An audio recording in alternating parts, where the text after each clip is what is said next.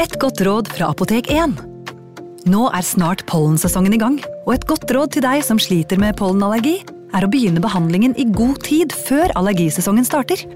Da får du nemlig enda bedre effekt av legemidlene, og så blir ikke våren din helt ødelagt. Kom innom og få råd på ditt nærmeste Apotek 1, eller chat med oss på apotek1.no. Apotek 1 vår kunnskap, din trygghet.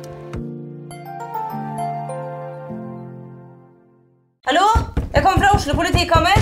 Ine Jansen er purk. Er du purk? The motherfucking bitch. Alt jeg vil, er å finne ut hva som skjedde med mannen min. Jon Carew. Er jeg sikta for noe? Iben Akeli. Det er du. Ole So, Lars Berrum og Big Daddy Karsten. Hvem sin side er du på, egentlig? Anette Hoff, Tone Danielsen, Kommer du fra Afrika? Jørnis Josef, Nesten kløfta. Trond Espen Seim, Det er synd å si det, men det var feil mann som døde. Purk. Premiere tirsdag på TV2 Play. Ungsamtalen fra DNB er økonomisk veiledning tilpasset deg som er ung. Bokk en ungsamtale på dnb.no. slash ung. Det er kjempebra hvis du skal inn på boligmarkedet, hvis det er drømmen din, liksom. Det er det du skulle sagt. Og så kunne du ropt litt mer, da, sånn som jeg gjorde. Bam! Advarsel. Denne podkasten inneholder skildringer av ekte drap og kriminalsaker som kan være støtende for enkelte. Det advares også mot sterke inntrykk i deler av episoden. 24 år gamle Shannon Gilbert forsvinner sporløst etter et nattlig besøk hos en kunde.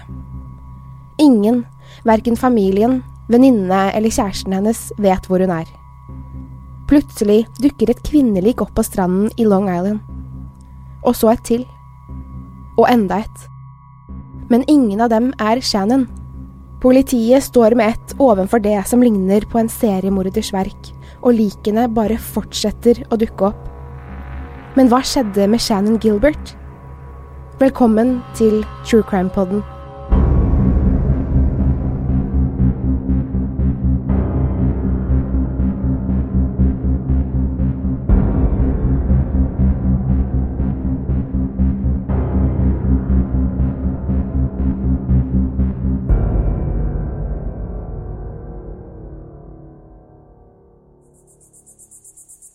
1. mai 2010, Long Island, New York.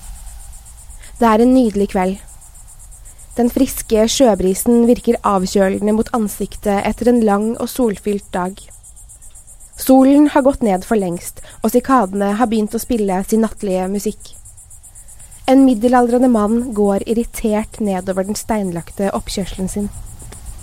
Med målrettede steg går han bort til den sorte bilen som er parkert nedenfor oppkjørselen hans. Han banker utålmodig på den sotete bilruten, i håp om at sjåføren sitter der enda. Den blanke, sorte bilruten ruller sakte ned i en jevn bevegelse. Sigarettrøyk siver ut, og det bleke ansiktet til sjåføren kommer frem. Du må komme inn, sier han mens han vifter sjåførens sigarettrøyk vekk fra seg. Mannen peker i retning huset sitt og rister på hodet. Hun er helt gal. Jeg vet ikke hva som skjedde. Merkelig, tenker sjåføren. Han skrur av musikken ved dashbordet før han stiger ut av bilen. Sjåføren følger etter mannen opp den pene oppkjørselen og inn i det store huset. Alt er pent og ryddig, og det ser i alle fall ikke ut som om de har slåss, tenker han lettet. Men han lurer på hva som går av henne. Kvinnen som mannen refererer til, er 24 år gamle Shannon Gilbert, en eskortepike. Shannon har lysebrunt hår, et pent ansikt og en slank figur med lange ben. Hun er vanligvis godt likt av kundene sine, og skaper aldri noe trøbbel. Det er ikke likt henne å krangle med kundene, så sjåføren mistenker at kunden kanskje har gjort noe Shannon ikke ville. Sjåføren har kjørt Shannon både til og fra kunder i flere år og føler et ansvar for henne. Shannon har alltid vært snill med han, og han ønsker derfor å beskytte henne hvis han har muligheten. Hvor er hun? spør han kunden. Kunden peker lenger inn i huset. Sjåføren går i samme retning som kunden peker, og ser noe uvanlig. Shannon sitter på gulvet i kundens dagligstue. Hun gråter, skjelver og trykker på telefonen sin. Øynene hennes er vidåpne, og hun virker livredd. Shannon er helt febrilsk. Han har aldri sett henne slik før. Sjåføren snur seg og ser spørrende på kunden. Han slår ut med armene og rister fortvilet på hodet. Hun ble sånn helt plutselig, jeg vet ikke om hun kan ha tatt noe. Spørrende ser han mot Shannon og så på sjåføren igjen.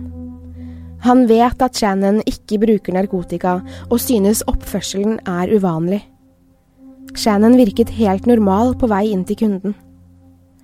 Sjåføren spør om kunden og Shannon har gjort det hun kom dit for, men kunden rister på hodet og himler med øynene. Kunden sier at han gjerne betaler Shannon likevel, så lenge hun kommer seg ut av huset hans.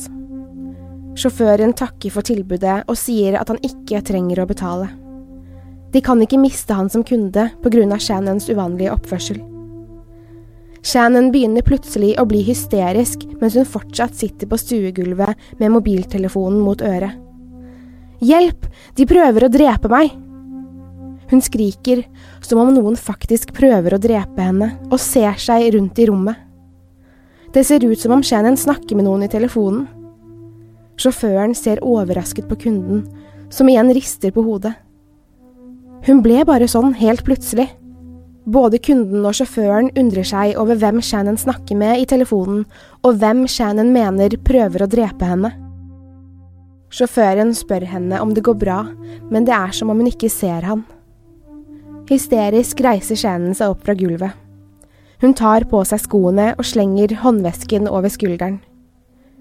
Uten å se seg tilbake løper hun ut av huset som om noen jager henne. Både sjåføren og kunden tror hun løper til bilen, og sjåføren beklager oppførselen hennes. De to tar farvel med hverandre, og sjåføren beklager enda en gang og lover at dette ikke skal skje igjen. Han går ut til bilen for å høre hva i alle dager som går av henne. De har begge tapt penger i kveld, og det var en viktig kunde.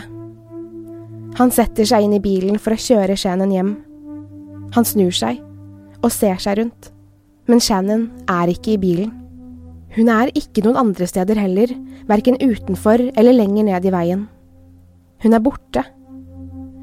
Hun har vel begynt å gå hjemover, tenker han for seg selv og starter bilen. Først kjører han sakte og ser ned på siden av veien. Kan Shannon ha falt, eller kanskje besvimt? Han prøver å ringe henne, men telefonen går rett til svareren. Hvor kan hun ha blitt av? Det er bekmørkt ute og altfor langt å gå hele veien hjem. Han begynner å bli bekymret. Sjåføren kjører rundt over alt han kan tenke seg at Shannon kan være, men finner henne ingen steder. Det kunne jo hende Shannon hadde tomt batteri på telefonen og valgte å ta en taxi hjem istedenfor å lete etter han. Etter timer med kjøring bestemmer han seg for å forlate det lille stedet kalt Oak Beach for å kjøre hjemover. Det hadde begynt å bli lyst allerede. Senere neste dag våkner han og forventer en tekstmelding eller kanskje et ubesvart anrop fra Shannon. Men det var ingenting. Ingen livstegn fra Shannon. Sjåføren begynner å bli alvorlig bekymret. Noe må ha hendt henne.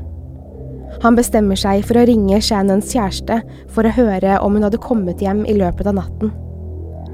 Kjæresten høres med en gang bekymret ut og sier at hun aldri kom hjem kvelden i forveien, så han hadde gått og lagt seg. Kjæresten sa at hun trodde kanskje jobben tok lengre tid enn vanlig, og tenkte ikke over det før han våknet opp alene. Sjåføren ringer videre til Shannons venninner, som heller ikke har sett henne. Deretter må han gjøre det han fryktet mest, det å ringe Shannons søster og mamma. Han vet at de kommer til å bli veldig bekymret. Verken søsteren eller mammaen har sett henne. Det går opp for dem alle, sjåføren, kjæresten og familien, at Shannon Gilbert faktisk er sporløst forsvunnet. Shannons mamma Mary Gilbert har hele tiden vært smertelig klar over hva datteren hadde som yrke. Hun likte selvfølgelig ikke at datteren solgte kroppen sin til menn for penger, og hadde prøvd å få henne til å jobbe med noe annet i flere år. Men Shannon likte det hun drev med, og tjente mye penger på å være eskortepike. Hun mente at hun klarer å forsørge seg selv bedre enn i en vanlig jobb. og siden Shannon aldri tok noen utdannelse, var det ikke lett å skaffe seg jobber som betalte like godt som det å være eskortepike. Shannons kjæreste Alex visste også godt hva Shannon jobbet med. Han likte pengene hun tjente, men likte ikke å tenke på hva Shannon gjorde med andre menn når hun arbeidet. Alex var sjalu innimellom, men prøvde å støtte samboeren så godt han kunne. Paret kranglet ofte, mest av Shannons jobb, men også fordi de begge hadde sterke personligheter. Under en krangel gikk det galt en dag.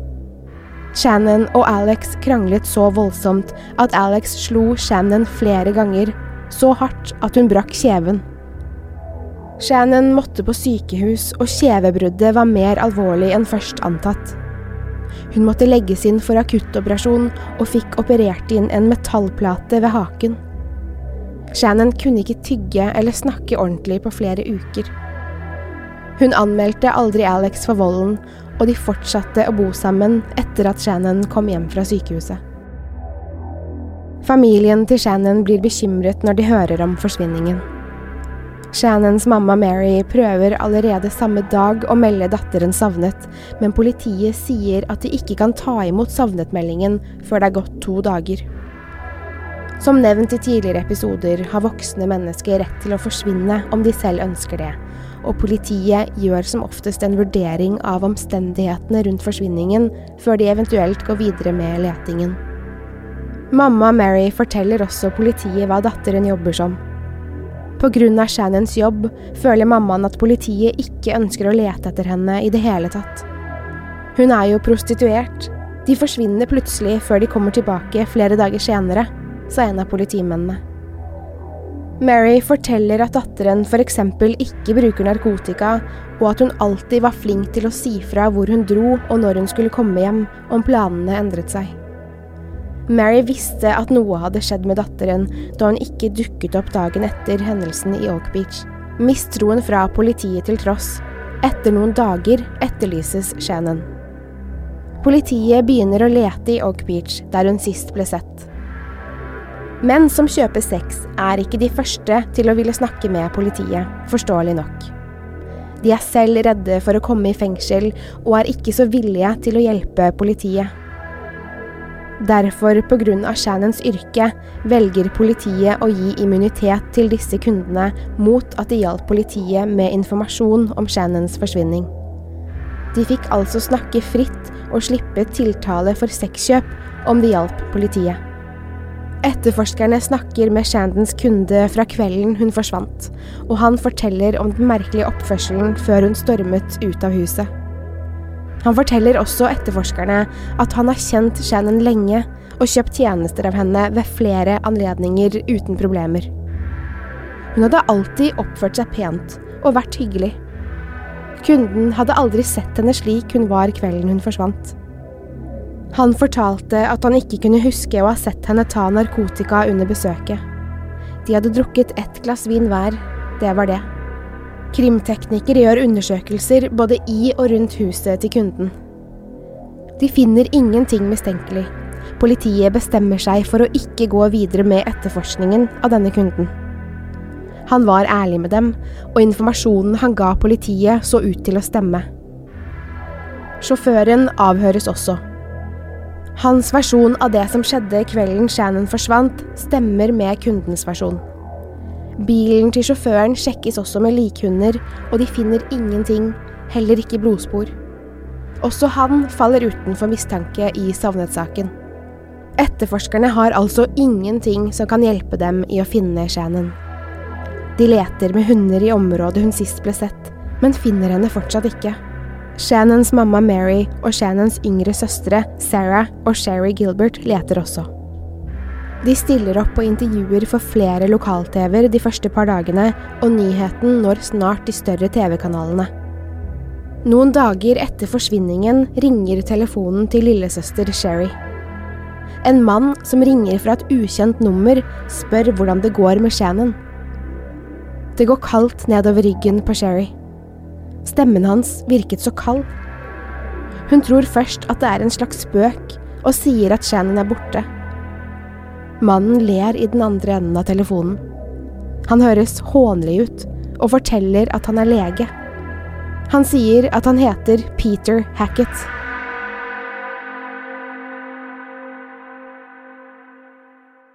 Peter Hackett forteller lillesøster Sherry at han driver et hjem for unge kvinner, og at han behandlet Shannon samme natt som hun forsvant. Behandlet? spør Sherry.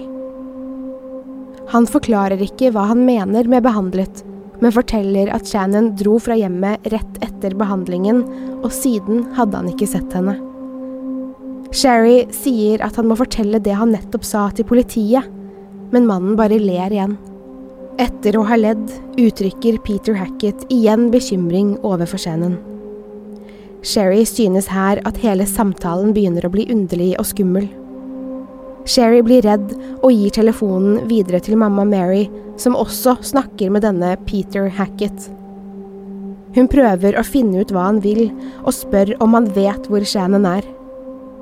Mary får ikke noe mer informasjon ut av han, og Hackett avbryter samtalen brått. Selv om den såkalte legen ringte fra skjult nummer, finner Mary nummeret til en doktor Peter Hackett i Oak Beach, Long Island.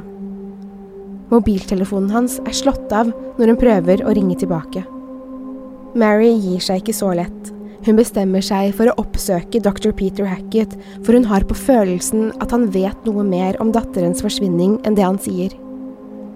Mary kontakter også politiet for å fortelle om samtalen hun og datteren Sherry hadde med den mystiske mannen. De sier de skal se på saken og begynner straks å etterforske det første ordentlige sporet. Det viser seg at dr. Peter Hackett er en velkjent lege i Oak Beach på Long Island, og at han har bodd og praktisert der i mer enn 25 år. Han er legen til de rike og berømte som bor i Oak Beach, slik som businessmenn og andre lokale kjendiser. Oak Beach er et lukket samfunn hvor folk holder seg for seg selv. Politiet møter ikke mye velvilje i lokalsamfunnet når de forhører seg om Hackett. Mary og Sherry synes letingen går tregt, og bestemmer seg for å reise til Oak Beach og Peter Hacketts hus. Om det var stedet noen så Shannon for siste gang, burde det finnes spor der. Peter Hackett er hjemme når de kommer frem til det flotte huset hans. Det er mange mennesker der, og Hackett holder en slags hagefest. Mary, som har sett bilder av mannen på internett, går rett bort til legen og spør hvor Shannon er. Musikken stopper, og folk begynner å legge merke til hva som skjer. De snur seg. Peter Hackett ser rart på Mary og sier at han ikke forstår hva hun mener. Mary blir fortvilet og prøver å forklare seg foran den forskrekkede legen og alle gjestene hans. Hackett nekter for å ha ringt både Sherry og Mary, og nekter også for at han vet hvem Shannon er. Mary og Sherry vet ikke hva de skal tenke, og reiser hjem med flere spørsmål enn da de kom. De gråter stille i bilen. Verken mor eller datter sier noe. Senere har Sherry fortalt i et TV-intervju at det var her de forsto at de aldri skulle få se Shannon i live igjen. Desember 2010, Oak Beach. Det er iskaldt ute. Vinden uler, og lyset er flatt. Typisk desembervær med lett snø i luften. En politimann er ute og trener politihunden sin på Oak Beach. Hunden er mindre lydig enn vanlig, og virker opptatt av noe ved et buskas litt lenger unna enn der politimannen står. Han roper på hunden sin, som ikke vil høre. Etter flere forsøk på å få hunden til å fokusere, bestemmer politimannen seg for å undersøke hva hunden hans leker med. Han kommer nærmere. En slags tykk pinne. Hunden reagerer kraftig på det den har funnet i sanden. Den knurrer, og politimannen bøyer seg forsiktig mot den uvanlige pinnen. Det er ikke en pinne, og det hører definitivt ikke hjemme på stranden. Det ser ut som levninger av et menneske et menneskeben. Forskrekket finner han frem mobiltelefonen og slår nødnummeret. Han forklarer hva han tror han har funnet, og politiet kommer raskt til stedet. Det viser seg ganske raskt at det de har funnet, er liket av en kvinne. Shannons mamma Mary og familien får beskjed om funnet. Mary bryter sammen og kjenner at hun ikke er klar for å få vite at datteren er død helt enda. Det er som å leve i et vakuum, det å vente på et slikt svar, ifølge Sherry. På en side ønsker de jo å vite hva som hadde skjedd med Shannon, men på en annen side, om de får vite at hun er død, vil alt håp være ute. Med blandede følelser venter de på telefonen som omsider kommer. Kvinnen er ikke Shannon. Det er en annen. Mary og Shannons søstre blir først lettet, men så bekymret. De står fortsatt uten svar. Politiet fortsetter å jobbe i området selv etter at liket er fjernet og de tekniske sporene er sikret. Media viser en voldsom interesse for saken og sender helikoptre over området. Det spekuleres i om politiet har funnet noe mer. To dager etter det første funnet finner politiet i Oak Beach ytterligere tre lik. Alle likene er kvinner, og de ligger begravet i en slags striesekk. De fire kvinnene var kvalt til døde og plassert der. De ligger ikke langt fra hverandre, og politiet begynner å ane konturene av en større sak enn forventet. Igjen får familien til Shannon et lite håp. Hadde de funnet henne nå? Men dessverre, ingen av kvinnene var Shannon Gilbert. Etter at identifiseringen av de fire kvinnene var klar, viste det seg at i likhet med Shannon jobbet også disse som eskortepiker. De jobbet altså med det samme som Shannon. Kunne de ha kjent hverandre, eller kanskje hatt samme kunder? Og skulle dette kunne vise seg å være en seriemorders verk? Dagene og månedene går uten tegn til Shannon. Familien forstår etter hvert at alt håp er ute. De prøver å støtte hverandre så godt det lar seg gjøre, men håpet om å få svar blir snart tent igjen. Fire måneder senere, i april 2011, finner politiet enda et kvinnelik. Så to til, og litt lenger unna, ytterligere to lik. Fem dager senere, enda et. Ti personer er på dette tidspunktet funnet døde, trolig drept av én og samme person. En seriemorder er løs i Long Island. I starten av saken var politiet forsiktige med å gi ut informasjon om de døde, mest for å ikke skape panikk blant befolkningen. Men ettersom flere og flere lik ble funnet, så politisjefen i Long Island seg nødt til å gå ut med nyheten om at det faktisk stemte at en seriemorder herjet. Grunnen til at politiet mente at likene var drept av samme person, er dette. Alle kvinnene var eskortepiker. Alle ble funnet nedgravd på samme strand. Alle var kvalt til døde. Alle var begravet i hver sin striesekk. Det skal nevnes at ikke alle som ble funnet på stranden, var kvinner. Et av likene var en asiatisk mann kledd ut som en kvinne, med parykk, kjole og høyhælte sko. En annen tragisk detalj er at et annet lik var ett av et lite barn, trolig under tre år gammelt. Ingen av disse to er i dag identifisert, og ingen med matchende beskrivelse, verken mannen eller barnet, var meldt savnet i området, selv om etterforskerne sjekket flere år tilbake. Politiet mener likevel at mannen og barnet høyst sannsynlig også ble drept av samme morder som kvinnenes, av hvor og hvordan de ble funnet. Etter nyheten om seriemorderen starter sirkuset. Mediene får ikke nok. Det spekuleres i forumer, på debattprogrammer og i nyhetssendinger. Morderen blir døpt til The Long Island Serial Killer, og folk i Long Island er livredde. De som jobber i eskortebransjen, tør ikke dra på jobb lenger. Media trykker historier om de drepte kvinnene og dessverre mener flere at siden de var prostituerte, kunne de takke seg selv for skjebnen de møtte.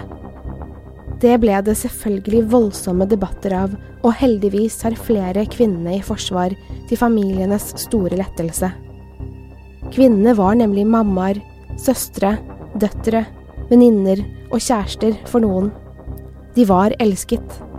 Midt i stormen om den nye seriemorderen sitter familien Gilbert uten svar. Shannons forsvinning har hjulpet politiet med å finne ti drepte personer, men ikke den de mest håpet på. Mamma Mary forsøker å holde Shannon i mediene for at hennes sak ikke skal bli glemt i alt oppstyret. Hun stiller jevnlig til intervjuer i radio og TV og forteller at dr. Peter Hackett ringte både henne og Shannons lillesøster, og flere store medier bestemmer seg for å prøve å intervjue legen. Hackett blir oppsøkt hjemme, på jobben, i butikken og på gaten, og avfeier alle spørsmål om Shannon. Peter Hackett går etter hvert i dekning. 13. desember 2011, Oak Beach.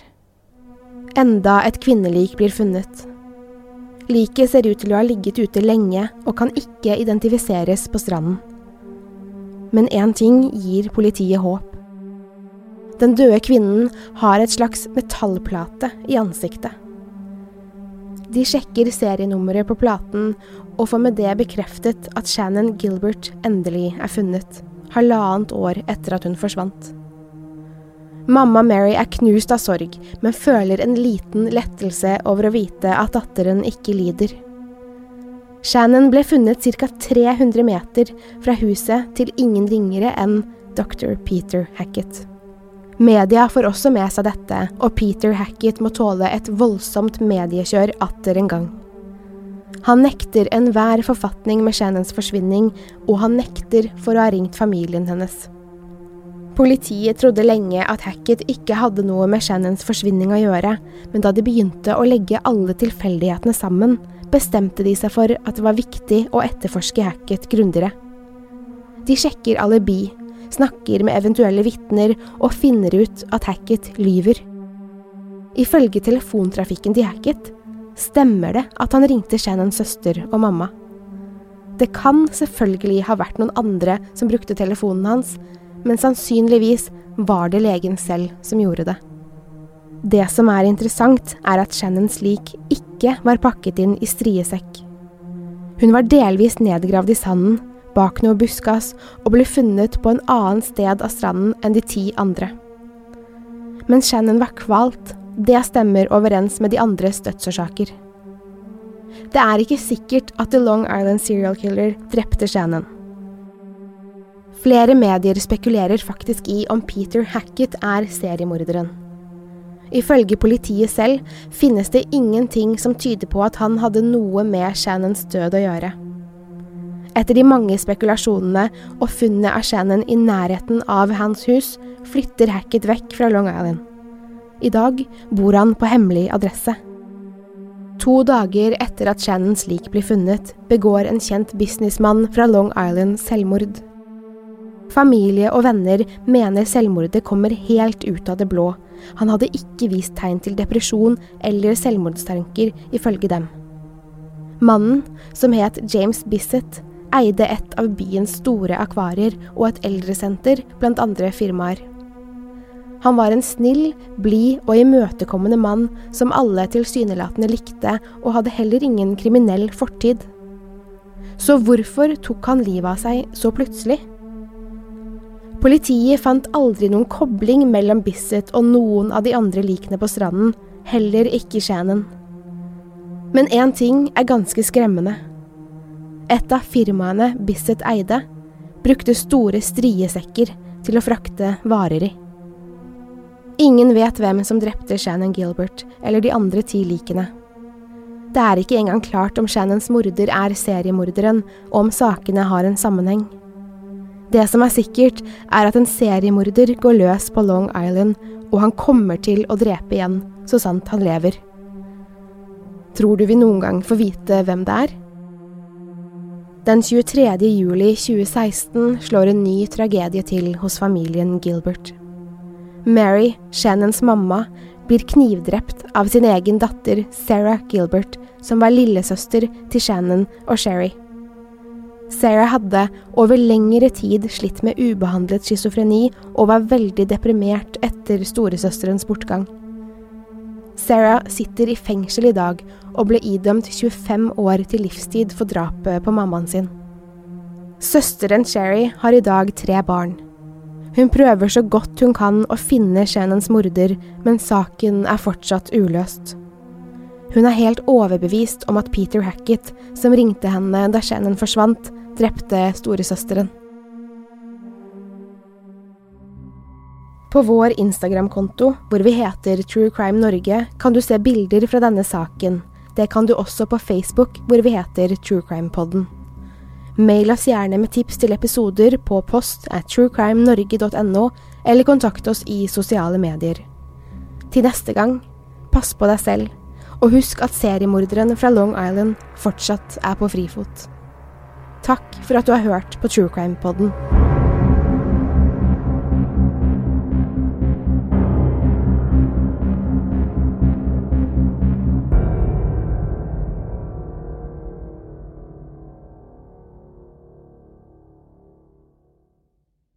Har du et enkeltpersonforetak eller en liten bedrift? Da er du sikkert lei av å høre meg snakke om hvor enkelt det er med kvitteringer og bilag i fiken, så vi eh, gir oss her, vi. Fordi vi liker enkelt. Fiken superenkelt regnskap. Hei! Takk for at du lytter til True Crime Podden. Skulle du ønske at du kunne høre en ny episode av denne podkasten hver eneste uke? Vel, da er det bare å laste ned podkastappen Untold med en gang. I tillegg til ukentlige episoder av podkaster som Skrekkpodden, Synderne og Henrettelsespodden, får du masse annet reklamefritt og eksklusivt innhold. Last ned Untold i AppStore eller Google Play, og start din 30 dagers prøveperiode i dag.